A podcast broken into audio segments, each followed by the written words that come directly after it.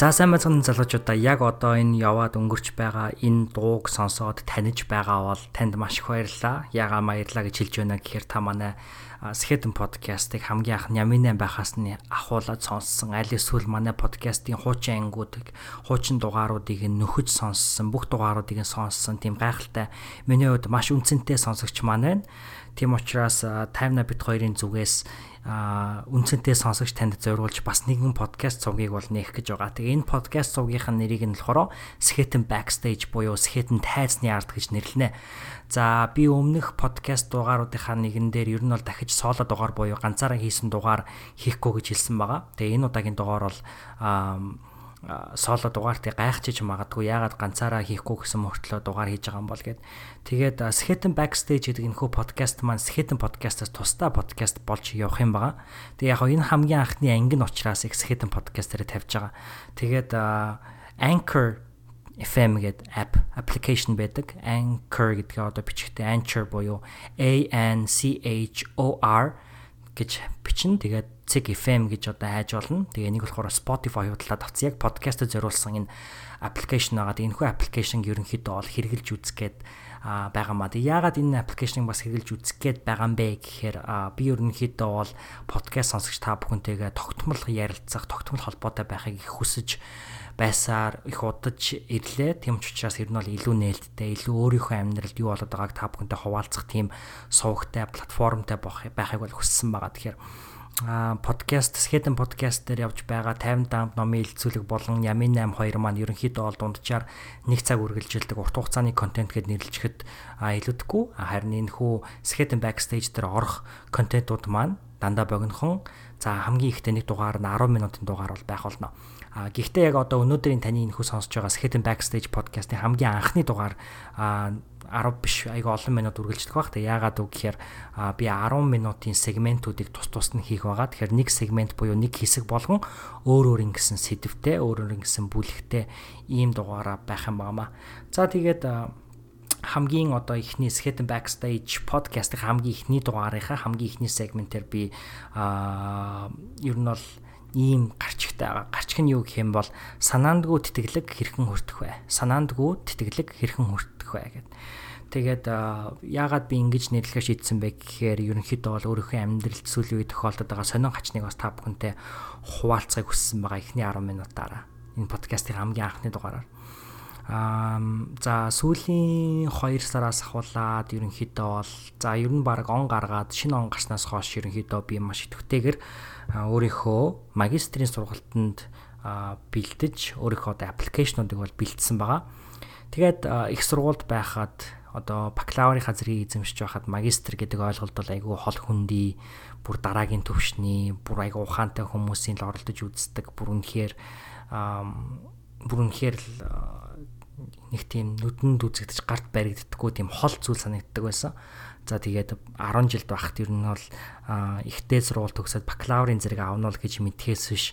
Яг хоо магистрийн зэрэг гэж байдаг гэдэг мэдчих гэсэндээ хизээж бодож байгаагүй хизээж энэ зэргийг горилно гэж бодож байгаагүй зүйл Тэгсэн чинь их сургуулаа 2018 он төгсчөөсөө 2018 оноос 2019 оны хооронд ерөнхийдөө яг одоо ч гэсэн яг нэг жилийн хугацаанд бол Америк нэгдсэн улсад өөрийнхөө нэг жил ажиллах эрхээр ажиллаад параллелийн одоо ажил хийгээд ерөнхийдөө бол нэг жилийн хугацаа өнгөрөх гэж байна л та. Тэгээд шинэ он гарснаас хойш одоо магистрийнхаа сургалтанд бүртгүүлэх гээд сургуульд бүртгүүлэх гээд ерөнхийдөө бол бүх юмудаа би би болгоод бүрдүүлээд ер нь бол яваад хамгийн ихний сургуультай 4 сарын 1-нд дараагийн сургуульд нь 4 сарын 15-нд тэгээд дараагийн сургууль нь 5 сарын 1-нд байлуу да. Ингээд нийтдээ 3 сургуульд би бол бүртгүүлсэн. Тэгээд энэ 3 сургуульд гурууланд нь би тэмцсэн хариуг бол авсан байнамаа. За энэ 3 сургууль нь ямар сургууль байсан бэ гэхээр би өөрийнхөө бакалаврын зэргийг 2 мэрэгчлэлтэйгээр дуурах дүүргсэн, дуусгасан нэг өөрийнх маань үндсэн мэрэгжил юу гэх юм бол political science буюу улс төрийн шинжилгээ ухаан. Тэгээ миний дид мэрэгжил болохоор а digital media studies буюу digital media судлал гэсэн энэ одоо дид мэрэгжилтэй.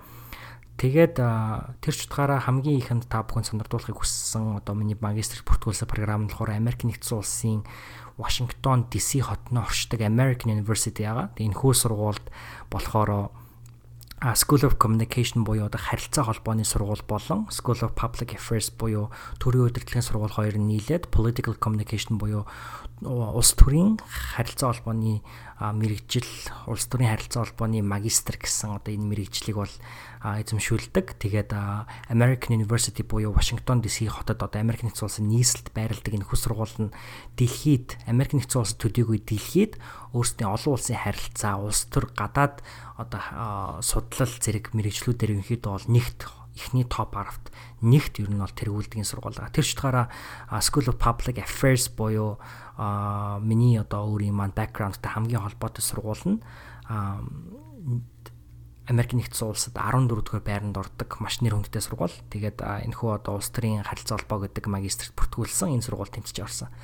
За дараагийн нэг зүйл нь болохоор та бүхэнд би дуран дурдсан сая нэг жилийн хугацаанд ерөнхийдөө би paralegal гэдэг одоо ажлыг хийсэн. Тэгээ freelance paralegal гэж хэлүүд илүү зохино. Тэгээд энийг би цааш илүү дэлгэнгүй ярих болно. Гэхдээ зүгээр нэг өгүүлбэрт багтаагаад хэлэхэд болохоор freelance paralegal гэдэг нь болохоор бие даасан чөлөөтэй одоо өөрийнхөө үйлчлүүлэгчийг сонгодог а хуульч биш гэхдээ хуульч нарт тусалдаг одоо тийм залуу хуулийн салбарын мэрэгчлэлтнийг paralegal гэдэг байна. Тэгэхээр хал залуу хуулийн салбарын мэрэгчлэлтэн буюу young legal professional гэж хэлж болно. Тэгээ тэр чутгаараа ер нь хуулийн салбарт Америк нэгдсэн улсад хуулийн салбарт нэг жилийн хугацаанд баг ажиллажсэн учраас Америк Миннесота одоо өөрийн байгаа Миннесота мунчийнхаа хамгийн том хувийн сургууль гэдэг University of St Thomas-ийн School Law School буюу одоо хуулийн сургуульд бүртгүүлээд мөн тэмцсэн. За тэгээ энэ сургуулиас тэтгэлэг авсан байгаа. За 3 дахь сонголт маань юу байсан бэ гэхээр Америк нэгдсэн улсын дид ерөнхийлөгч агсан Hubert Humphrey гэдэг эрхмийн одоо нэрээр нэрлэгдсэн Hubert Humphrey School of Public Affairs буюу одоо төрийн удирдлагын сургууль манай миний төгссөн Миннесотагийн сургуулийн дэргэд бол оршдог. Тэгээ энэ сургууль нь болохоор одоо төрийн удирдлагын сургуулаараа Америк нэгдсэн улсад бол 10 дугаар байранд ордог одоо маш нэр хүндтэй сургууль байгаа. За тэгээ энэ сургуульд бол би бүртгүүлсэн байгаа. Тэгээ би бүртгүүлсэн. Тэгсэн чинь би тэтгэлэг авсан. Тэгээ тэтгэлэг аавна гэж би ерөөсөө төсөөлөөгүй. Ягаад тэгэхээр тэтгэлэг авахад одоо өөрийгөө горилох хүсэлтэй бол өөрийнхөө магистрийн програмынхаа хүсэлтийг 2 дугаар сараас өмнө явуулах хэрэгтэй байсан баг. Гэтэ би болохоор тэрэнд нь горилоогүй зүгээр цаг хугацааны нэлээд одоо нэгэнд өнгөрцөн байсан учраас 4 сард буюу тэтгэлэг горилоогүй цаг хугацаанд нь бол тэр сургуульд бол бүртгүүлсэн. Тэгэхээр бол би тэтгэлэг горилоогүй учраас тэтгэлэг гордоогүй. Тэгээд тийм байтал сая нэг 2 7 хоногийн өмнө би ажил дээрээ байж байгаа. Зүгээр 0 орохгүй бол нара нара наа гэл ингээл ажлынхаа 0-ийн өрөөлөө явж ирсэн надад руу имэйл ирээд тэгээ тэр имэйл дээр merit based scholarship өгөхөр боллоо гэсэн байсан. Hubert Humphrey Fellowship Scholarship гэдэг. Тэгээд энэ scholarship-ыг нь болохоор merit based гэх нь болохоор өөрийг чинь өөрийн тань одоо хамгийн тэг өөрийг тань үнэлж таны одоо хөдөлмөр хичээл зүтгэл өмнөх одоо амжилт зэрэг зэргийг үнэлж өгдөг ийм тэтгэлэг байгаа. Тэгээ энэ тэтгэлгийг бол хүртсэн. Тэгээд а нийтдээ 2 жилийн хугацаанд одоо магистрийнхаа програмыг суралцж байгаа хугацаанд ерөнхийдөө бол тэтгэлэг хүртэхээр бол болсон байгаа. Тэгэхээр энэ бол санаандгүй тэтгэлэг байсан. Тэгээд энэ удаагийн одоо энэ хамгийн Skate Backstage podcast-ийн хамгийн ихний энэ нэгдүгээр хэсгээр болохоор та бүхэнтэй ер нь бол амьдралынхаа сүүлийн үеийнхаа сонин хачин ингээ хуваалцлаа. Тэгээд хоёрдугаар хэсэг дээр болохоор одоо өнөөдрийн яг энэ яриад байгаа сэдвээ илүү жоохон үргэлжлүүлээд ерөнхийдөө бол карьер сон карьер сонголтыг хэрхэн хийх үү тийм ээ их сургуульд явах нь зөв буруу юу? Ер нь магистрийн програмд орох нь зөв үү буруу юу? Карьер сонгоно гэхээр заавал их сургууль сурах хэрэгтэй юм уу? За тэгээ дараа нь болохоор ер нь бол карьер сонголт гэж яг юу юм бэ? Нэг карьерийг сонгочоо тэр карьерийнхаа эзэн болох гэж насаараа зүтгэх юм уу эсвэл илүү уян хатан байх юм уу гэсэн эсхүүдэд хариулаад явъя гэж бодож байна. За тэгээд манай Skeleton Backstage podcast-ийн маань эхний дугаарыг хөрөөд өндөрлөж байна. Хэрэв та яг одоо энэ podcast-ыг Skeleton podcast-ээр сонсож байгаа бол хаашиж гаралгүйгээр үргэлжлүүлээд дараагийнхаа Skeleton podcast Skeleton Backstage podcast-ийн 2 дугаар сегмент руу шууд ороод сонсох болно. Баярлалаа.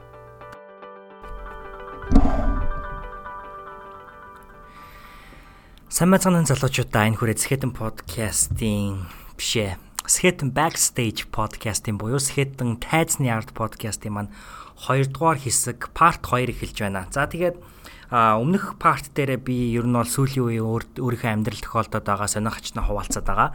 Санамсаргүй явж байгаад санаандгүй тэтгэлэг хэрхэн хүртэх вэ гэдэг сэдвээр ер нь бол ярьсан. Тэгээд яг гол санаа нь болохоро зэрэг сүүлийн үед ер нь бол миний амьдрал сонир хачин юу байна, юу болоод байна, ер нь яагаад ойрын үед айгу чимээгүй болоод байна гэдгийг ярьсан болов. Тэгээд яг хэдий хэдий би чимээгүй болоод өмнө нь надад байсан яг энэ доктортой байдлаа баг зэрэг алдаад байгаа ч гэсэндээ энэ нь бас надад нэг зарим зүйлийг бодох, эргцүүлэх хугацааг ер нь бол өглөө. Тэгээд энэ хоёрдугаар хэсэг дээрээ би юу ярихыг хүссэн бэ гэхээр карьер сонголт хийх тухай. За яг одоо зуны үйлрэл за миний санаж байгаагаар 10 жилдээ байхдаа ер нь бол оюутан байхдаа ч гэсэндээ байнга зуны үйлрэл болгоно л ирээдүгээ нэг дахиж нэг харах нэг юм цаг үе нээгддэг. Яагаад гэхээр ингээд одоо хав хаврын үйлрэл, намрын үйлрэл, өвлийн үйлрэл бол ингээд байнгын хичээл ороод ч юм уу ингээд байнга завгүй байдаг учраас нэг ирээдүгөө бодох ч юм уу, ямар ажил хийх үү, ямар мэрэгчлээ болох уу гэл нэг тийм юм ерөөсө боддоггүй байсан. Тэгээ яг ингээд 100 ингээд илүү одоо сургуулаас чөлөө аваа, завсарлага аваад ингээд ирэхээр илүү их өөртөөгөө өнгөрүүлэх цаг хугацаа гараад ирдэг учраас бас илүү их нэг өөрийнхөө орчноос хүнд ирөөд тийм ээ өөрийнхөө хүрээллээс салаад ирэхээр зэрэг хүн өөр өөр зүйлүүдэд ингээд а нээгдэж өөрийгөө нээж эхлэх үед бол зөндөө олон өөр боломжууд байд юм байна гэд ингээ ухаарад ирэхээр асар их сонголтуудын өмнө тулаад ирдэг. Тэгээ энэ үед бол яг энэ тухай ярилцах нь би их зүйтэй болов гэж ер нь бол миний хувьд бодогдсон юм а. За сүүлд би дуртай подкастуудын маань подкастуудын маань нэг болох The Art of Manliness буюу эр хүн байх урлаг гэдэг подкаст байдаг. Тэгээ та бүхэн бас тэр подкастыг сонсоод үзээрэй. Эрэгтэй эмэгтэй хамаагүй үнэхээр гоё гоё сэдвүүдээр ярилцдаг. Ягаад тэгэхээр оролцож байгаа зочид маань ихэвчлэн одоо яг шинжлэх ухааны ажил хийсэн, ном бүтээл туурвсан, судалгаатай шинжилгээтэй зүйл ярьдаг ийм зочдоос бүрддэг. Тэгээд хөтлөгч Brad McKay гэж залуу болохоор асуултуудаа маш одоо шулуун шулуун тавьдаг. Илүү дутуу давс хачиргүй намааг одуул айгүй гоо шулуухан ярьцдаг тийм залуу байдаг. Тийм учраас ер нь бол их таалагддаг их үлгэрч явдаг. За тэгээ тэр подкастн дээр Дэвид Апштайн гэдэг спортын одоо спорт судлаач, спортын сэтгэл зүйч, спортын сэтгүүлч Дэвид Апштайн гэн Нью-Йорк Таймс-ийн бестселлер номын зохиолч залуугийн оролцсон дугаар исэн. Тэгээ залуугийн гэдэг нь болохоор гэж байгаа шалтгаан нь өөр 36 настай залуу одоо сэтгүүлч, судлаач тийм Columbia University-гийн төгсөгч залуу оролцсон. Тэгээд тэр залуу юу гэж хэлсэн бэ гэхээр судалгаан дээрээс юу гэж харагддаг вэ гэхээр хүний тархины одоо хөгжил дөөс хамаарат хүний тархины хөгжлөөс хамаарат хүн хамгийн их одоо personality change буюу зан аашны өөрчлөлтийг хэдээс хэдэн насны хооронд бий болдог вэ болдог вэ гэхээр 18 наснаас а 20-од насны сүүл хүртэлх хугацаанд болохоор баг 1 10 жилийн туршид хүний зан чанарт бол маш их өөрчлөлт бол бий болдгоо гэд ингэж одоо судалгаат судлаачд ер нь бол олсон байдаг аа гэж дурдсан байсан. Тэгээд энэнийг эннийга ингэж дурдаад хамгийн их надад нөлөөлсөн миний бүр толгой дотор ороод энэ подкастыг би за нэлээд хитэн 7 хоногийн өмнө сонссон баха хизээ гарсан байна. Тэгээд гарсан өдрөөс нь хойш сонссон сонссон мөртлөө одоо нэлийн хугацаа өнгөрцөн байгаа. Тэгээд энэ хугацаанд болохоор ингээд баг өдөр болгон толгойд бодогдоол өдөр болгон та бүхэнтэй хуваалцахыг бол хүсээд байсан. Тэгээд аа За хэдэн 7 хоног өнгөрцөн гэдсэн баг худлаа яршихсан байна. Гэтэ ер нь бол 2-7 хоног хөл өнгөрч байгаа юм байна. 7 6 сарын 17-ны өдөр гарсан подкаст юм байна. 2-7 хоногч болоогүй 2 хоног болох гэж байгаа юм байна. Тэгээд Тэгвэл маш их хугацаа санагдсан байх. Миний хувьд. Тэгээд ойрд бас подкаст тогтмол хийхгүй байгаа болохоор цаг хугацаанд айгүй урт санагдаад байгаа. Тэгээд яагаад үг гэхээр яалтчгүй ингээд хэлэх юм надад маш их байна. Та бүхэндээ хүрэхийг хүсэж байгаа зүйл маш их байна. Тэгээд тэдгээрээ нэг бол яхаа аргагүй. За тэр гол санаа нь юу байсан бэ гэхээр хэрвээ та одоо чи өөртөө 16 настай байхдаа 17 настай байхдаа эсвэл 18 настай байхдаа ер нь бол одоо залуу байхдаа өсвөр настай насныхаа үедээ өөрийнхөө карьерийг сонгоод за би яг ийм л карьераар амьдрна би ийм л мэрэгчлээ болно гэж өөртөө хэлээд яг түүгээрээ явна гэдэг бол шал танихгүй хүнд мэрэгжил сонгож өгөхтэй яг адилхан. Яг танихгүй хүнд карьерийг сонгож өгөхтэй яг адилхан гэж хэлсэн байсан. Тэгээд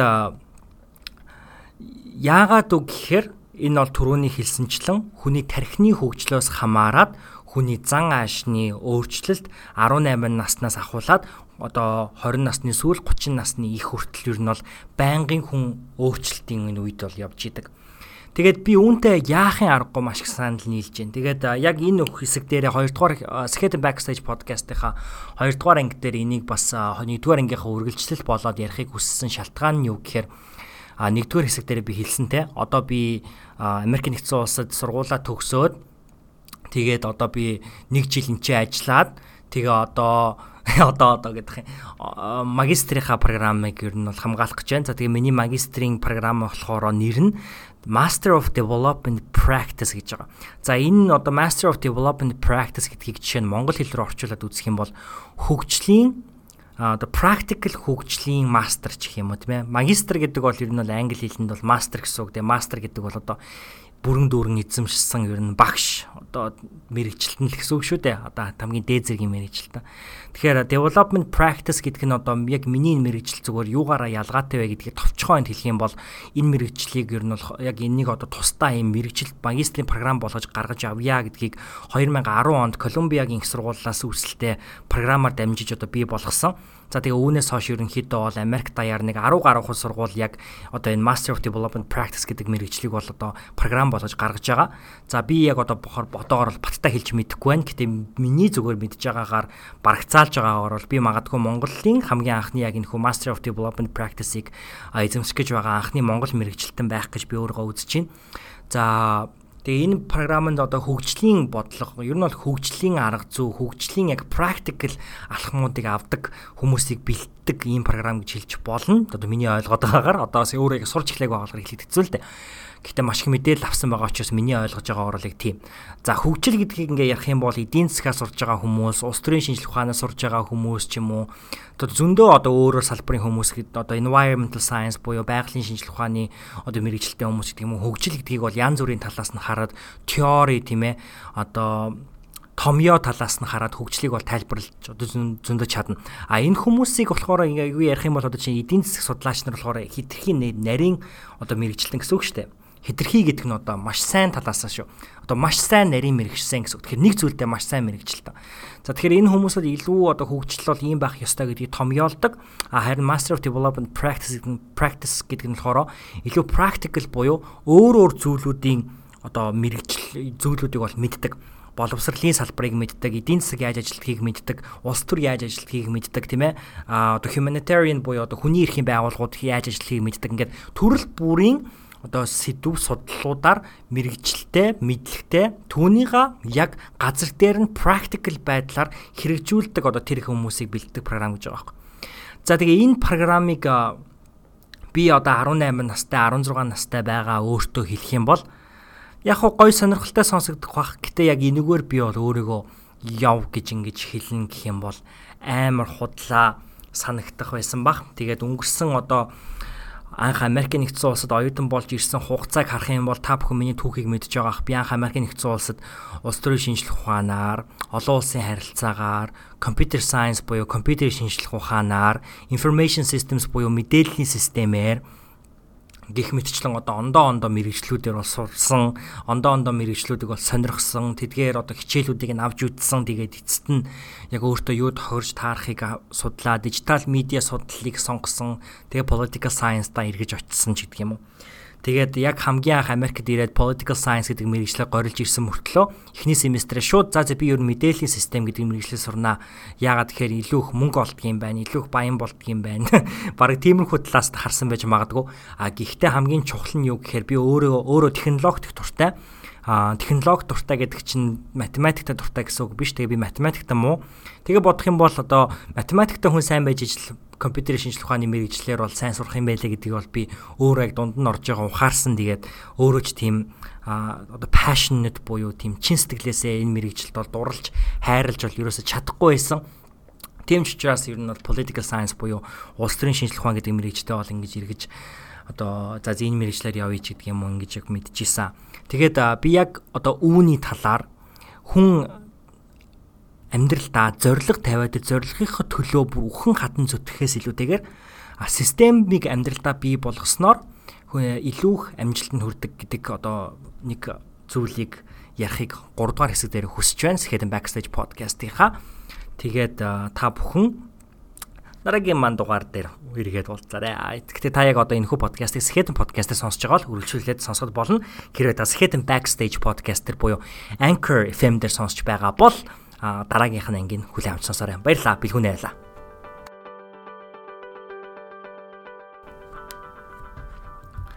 Сайн байцгаана залуучуудаа та бүхэн маань Skeleton Backstage podcast-ийнхаа 3 дугаар дугаар тавтай морил эхний дугаар дээрээ би санаандгүй тэтгэлэг хэрхэн өртсөн тухайга 2 дугаар дугаар дээрээ би 16-аас 18 наснда карьер сонголт хийн гэдэг бол танихгүй хүнд карьер сонголт хийж өгч байгаадаа яг адилхан гэдэг сэдвийн дагуу жоохон ярилцлаа.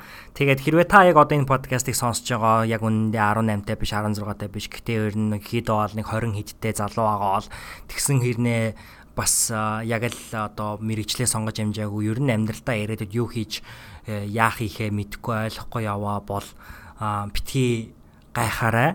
Ягаад үг гэхээр би ч гэсэн яг тийм байдалд бол зөндөө байдаг. Одоо ч гэсэн тийм байдал байгаа гэдэгтээ бол би итгэлтэй байна. Би яг үнэхээр үнэндээ өөрийгөө 20 жилийн дараа 30 жилийн дараа юу хийж байгаа байх вэ гэдгээ баттай хэлж чадахгүй. Ягаад тэгэхээр би тэрийг хэлхийг ч хүсэхгүй байна. Тэгээд тэр шалтгааныг нь би одоо энэ хүү Skeleton podcast-ийнхаа Backstage podcast-ийнхаа 3 дугаар ангитаар тайлбарлая. За, нэгт Энийг айгүй системчлэх, амьдралаа системчлэх гэдэг энэ зүйлийг би өмнө нь бол нэлээд хитэн удаа бас ярьчин санагдаж байна. Гэхдээ энийг бол энэ удаад би арай жоохон илүү дэлгэрэнгүй ярих гад үзье 10 минут дотор. За хамгийн энгийн жишээг юун дээр авч болох вэ? За энэ нь болохоор дадал зуршил дээр авч болох юм. Жишээ нь зориг гэдгийн жишээг авах юм бол за би жин хаснаа гэдэг бол зориг байж болно. Энэ бол зориг. Би жин хасна. Би баян болно. За би 10 мянган доллартай болно гэдэг бол зорилго. За би баян болно. Би 10 мянган доллартай болно. Хэрвээ тэр 10 мянган доллартай болох таны хувьд баян болох бол одоо магадгүй таны хувьд тийм зүйл гэж үзэх юм бол энэ хоёр бол хоёулаа зорилго. Гэхдээ би баян болно, би 10 мянган доллартай болно гэдэг энэ хоёр зорилгын аль нь илүү сайн зорилго вэ гэхээр 10 мянган доллартай болно гэдэг нь бол илүү сайн зорилго тийм ээ энийг бол хүн болгон мэдж байгаа. А гэхдээ үүнээс ч илүү сайн зорилго нь одоо юу байж болох вэ гэхээр зорилго гэхээс илүү системчлэх нь илүү том чухал зүйл юм а. За жин хасах дээр жишээ авах юм бол за би 10 кг жин хаснаа гэж одоо бид нар зорилго тавилаа. А системчлдэг хүний зүгээс ярих юм бол би 10 кг жин хасахын тулд юу хийх вэ гэдгээ ярина. За энэ нь болохоор би өдрө болгон дасгал хийн. Би ямар ямар хоол идэхээ зохицуулна. Би хоолыг яаж идэхээ зохицуулна. Би өдрө болгон гүүн ч гэдэг юм уу ингээд ерөнхийдөө бол жин хасахын төлөө 100000 доллартай болохын төлөө баян болохын төлөө ч гэдэг юм уу ингээд аа нэг тэрбум доллартай болохын төлөө ч гэдэг юм уу яг амьдралдаа өдөр болгондоо хийх зүйлүүдийг амьдралдаа бий болгохыг системчлэх гэж хэлээд байгаа. За миний хувьд яг карьер сонголтын хувьд хүн ялангуяа энэ системчлэх байдлыг маш сайн суулгах ёстой гэж би боддог. Тэгээ энийг би цэвэр өөрийнхөө туршлага дээрээс л ярив. За 18 настай бэлгүүнээ дээр очоод хэрвээ чи Америкт очоод илүү нээлттэй нэгэн болоод Америкт ихтэй сургуулаа төгсчхөөд бакалаврынхаа зэрэг төгсчхөөд шууд Монголд очихгүй бэлгүнэ. Чи үргэлжлүүлээд нэг жил Америкт амьдрна гэж 18 настай бэлгүнэд хэлэх юм бол ёстой яг штэ. За би тэр нөгөө магистрийнхаа програм тэмцсэн гэд хэлсэн те. Түүнийга би сошиал медиа дээр хараахан хуваалцаагүй ч гэсэндээ одоо Instagram-ийнхаа close friends буюу дотны найзуудтайгаа хуваалцсан. Тэгсэн чи манай галаа гэд ах маань над руу ингэж мессежлсэн л дээ. Нөгөө их сургуулаа төгсчөөд бакалавра төгсчөөд шууд Монголд буцна гэдсэн жоохон хүүхэд маань хаана нэ гэд ингэж хэлсэн байсан аахгүй. Тэр бол яг үнэн.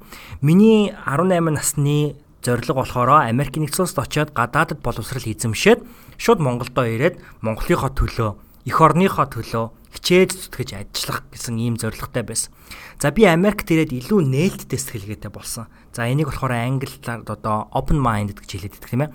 За нээлттэй сэтгэлгээтэй байна гэдэг нь болохоор аа бүхнийг хийж эх орноо мартаж умартахыг бол ерөөсөө хэлээгүй. Үндэсний дархлаатай байна гэдэг бол нэг ойлголт тийм ээ а нээлттэй сэтгэлгээтэй байна гэдэг бол нэг ойлголт. Тэгэхээр нөгөө монголчуудын маань хэлдэг авах гэхийн ухаанаар ханднаа гэдгийг болохоор нээлттэй байх, open minded байх гэж хэлээд байгаа юм болоо гэж ерөнхийдөө би боддгоо. За тэгсэн чинь нөгөө 18 настай бэлгүүнээ чинь яасан бэ гэсэн чинь Америк нэгдсэн улс дээрээ 4 жил 5 жил сурч явах хугацаанд open minded person болоод тийм одоо сэтгэлгээтэй хүн болж хувираад за Америк нэгдсэн улс ирээд маш олон зөвлөдүүдийг сонирхоо зогсохгүй сургуулаа төгсчхөөд хизээж бодож байгаагүй сонирхож байгаагүй хуулийн салбарт нэг жил ажилласан байгаа би өнгөрсөн нэг жилийн хугацаанд. За миний системийн хувьд гэх юм бол би одоо сургуулаа төгсчхөө за нэг жил ажиллах эрх надад олгоно. Олон улсын оюутны хувьд. Гэтэ би нэг жилийнхаа хувьд зөвхөн олон улсын харилцааны байгууллагт ажиллана гэсэн зорилго тавьчихсан байсан бол би яг өнөөдөр хүрсэн өнөөдөр цуглуулсан энэ их мэдлэг мэдээлэлтэй бол хүрч чадахгүй байсан болов уу гэж бодож байна. За тэр нь болохоор юу хэлж байна гэх юм бол зөвхөн одоо professional буюу мэрэгжлийн мэрэгчлэлтний хувьд одоо туршлага ярьж байгаа шүү гэдгийг бол энэ ч хэлнэ зүйтэй. А яагаад үг гэхээр надад хуулийн салбарт орж ажиллах маш одоо таатай боломж ер нь бол олцсон. Тэр боломжийг би а татгалзахгүйгээр авсан. За үүнийг авсныхаа дараа надад тэр боломж маань одоо хугацаанд дуусаад ч гэдэг юм уу ер нь бол тэрхүү одоо төсөл маань дуусаад за одоо би яах вэ эргээгээд яг мэрэгжлийнхаа дагуу ажиллах уу эсвэл хуулийн салбарт үргэлжлүүлж ажиллах уу гэдэг энэ одоо боломж нэгцэн. А миний хувьд нөгөө зориг тавихаас илүү амьдралаа системчилдэг, амьдралаа системчлэн гэдэг нь болохоор байгаад миний хувьд болохоор байгаа олсон туршлага дээрээ үндэслээд түүнийг хит дахин үржүүлж авахыг бол ер нь бол илүүд үзхийг бол үздэг. Тэгэхээр тэр бол одоо миний системийн нэг одоо горим гэсэн. Тэгэхээр зэрэг би за нэгэнт 6 сарын хугацаанд хуулийн фирмд ажиллажсэн юм чинь хуулийн салбартаа үргэлжлүүлээд ажиллая гэж үзсэн учраас дараа нь би цагаачлалын хуулийн фирмд нэг өөр төсөл дээр ажилласан. За энэ хоорондоо болохоор одоо өөр бас цагаачлалын хуулийн фирмд ажиллаж дуусгаад тэр төслөө дуусгаад personal injury буюу одоо гимт бие бие одоо машины ослт ороод ч юм уу эсвэл нохоонд хазуулдаг ч юм уу нэг иймэрхүү байдлаар одоо хүн амьтанд хазуулчаад Америкт бол тэр чинь амар том хэрэг тэгээ маш том одоо ер нь бол хэрэг үүсгэж тэрэн дээр ажилладаг тэгээ personal injury attorney буюу одоо хувийн одоо гимтэл бэртлийн хуульч гэж байдаг. Тэр хуульчийг одоо нэг өдрийн төсөл дээр хүртэл тусалж исэн тохиолдол байна. За тэгээд бас нэлээд одоо хуулийн салбарт ажилласан туршлагаа бас одоо shipping буюу одоо юу янз бүрийн улс хоорондын муж хоорондын хооронд явж байгаа тээвэр зуучийн компани дата мэдээлэлтэй харьцдаг компанид нэг өдөр ажиллаж үзээд энэ миний зүйл үнэхэр биш юм байна. Ер нь холын салбар руугаа орё гэдэг юм уу. За тэгээд сүүлд City of Minneapolis буюу энэ Minnesota мужийн хамгийн олон хүн амтай хамгийн том хот болох City of Minneapolis-д ирээд би бас ажилласан. За яг хуулийн салбарт нь ажилласан. Тэр одоо одоо нийслэл хотынхаа хамгийн газрынхаа хуулийн салбарт нь ер нь бол дата мэдээллүүдтэй харьцаж ажилласан. За тэгээ би бол хамгийн анхны хуульч биш хүн байсан. Тэгээд яг хуульч нарын хийдэг ажлыг хийсэн хамгийн анх хуульч биш хүн нь би одоо байсан. Тэгээд яг одоо сүулдэ ингэж бас одоо тэр бол миний хувьд амжилт ч тий. Тэгээ яагаад би бас өөрийгөө тэр амжилтанд өөрийгөө хүрч чадсан бэ гэж үзэж байгаа вэ гэхээр нэгт би систем надад байсан. Тэр систем нь болохоор би зөвхөн энэ зоригт хүрнэ гэж зориг тавиад түүнийхээ төлөө үхэн хатан зүтгэх биш харин илүү нээлттэй байж боломжуудыг сонирхож өөрийгөө хөгжүүлэхийн тулд илүү мэрэгжлийн боловсрал тийм ээ professional одоо experience буюу мэрэгчлэлтний туршлага хураахын тулд илүү их зүйл өгөх зүйл рүү нь одоо ухс хийж тэр боломжийг шүүрж авч түүн дээрээ авсан зүйл дээрээ дөрөөлж түүнийг одоо англи хэлэнд leverage хийх гэдэг leverage хийнэ гэдэг болохоор зүүнний ямарваа нэгэн зүйл ямарваа нэгэн зүйл дээр тулж босхийг бол хэлээд байгаа. Тэгэхээр миний системийн зүйл болохоор байгаа туршлага дээрээ тулж босоод тэр тулж боссноосоо илүү их мэдлэг мэдээллийг авах тэр боломж руу одоо өнгийх ч гэдэг юм ийм зүйлүүд бол байсан. За тэгээд хуулийн салбарт ингээд нэг жил ажиллачаар зэрэг би хуулийн сургуульд орох өргөдлөө өгсөн, тэмцсэн.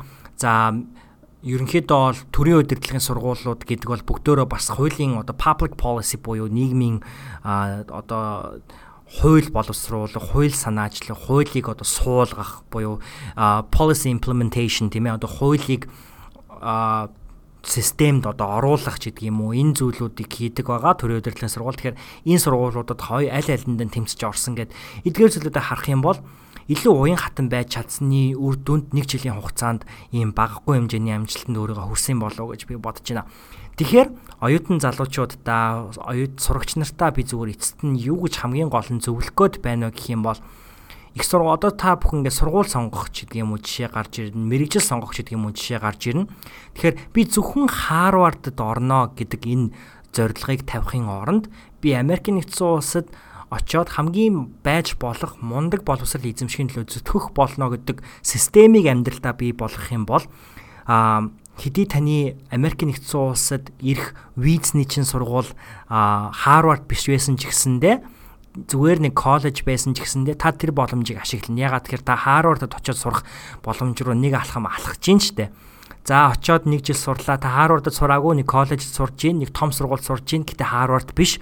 Гэхдээ та нөгөө хамгийн гоё байж болох хамгийн сайн боловсролыг өөрийнхөө хувьд эзэмшнэ гэдэг системийг бий болгоцсон учраас а та нэг алхмыг авцсан. Тэгэхээр Харвардын Харвардд л очиж сурна гэсэн хүний хажууд та нэг алхам аваад Харвард руу нэг алхам ойртсон байгаа байхгүй. Ягаад гэхээр тэр хүн Монголдо үлдсэн байна. Та Америкт аль хэдийн хилийндээс даваад алхаад ирсэн байна. Тэр бол айхтар том даваа шүү дээ. За тэгэл иймэрхүү жишээнүүдээр зөндөө зүйлийг би бол ярьж болно гэж бодож байна. За тэгээд 3 дугаар Skeleton Backstage podcast юм 3 дугаар хэсэг энэ хүрээд өндөрлөж байна. Та бүхэнд бан илүү асуултууд байх юм бол Instagram-аар маань асуугаарай. Би тэгээд хариулаад хариулаад хэрвээ хүмүүс хүргэж болохоор бас асуулт хариулт байх юм бол яг ингээд Skeleton Backstage podcast дээрээ podcast болгоод оруулаад байя гэж бодож байгаа. Тэгээд энэ хүү төсөл маань таалагдана гэж бодож ин тэгээд удахгүй бас таймдаа маань яг энэ дээр өөрийнхөө контентуудыг оруулаад эхлэх байгаа. Тэгээ баярлалаа. Баяртай.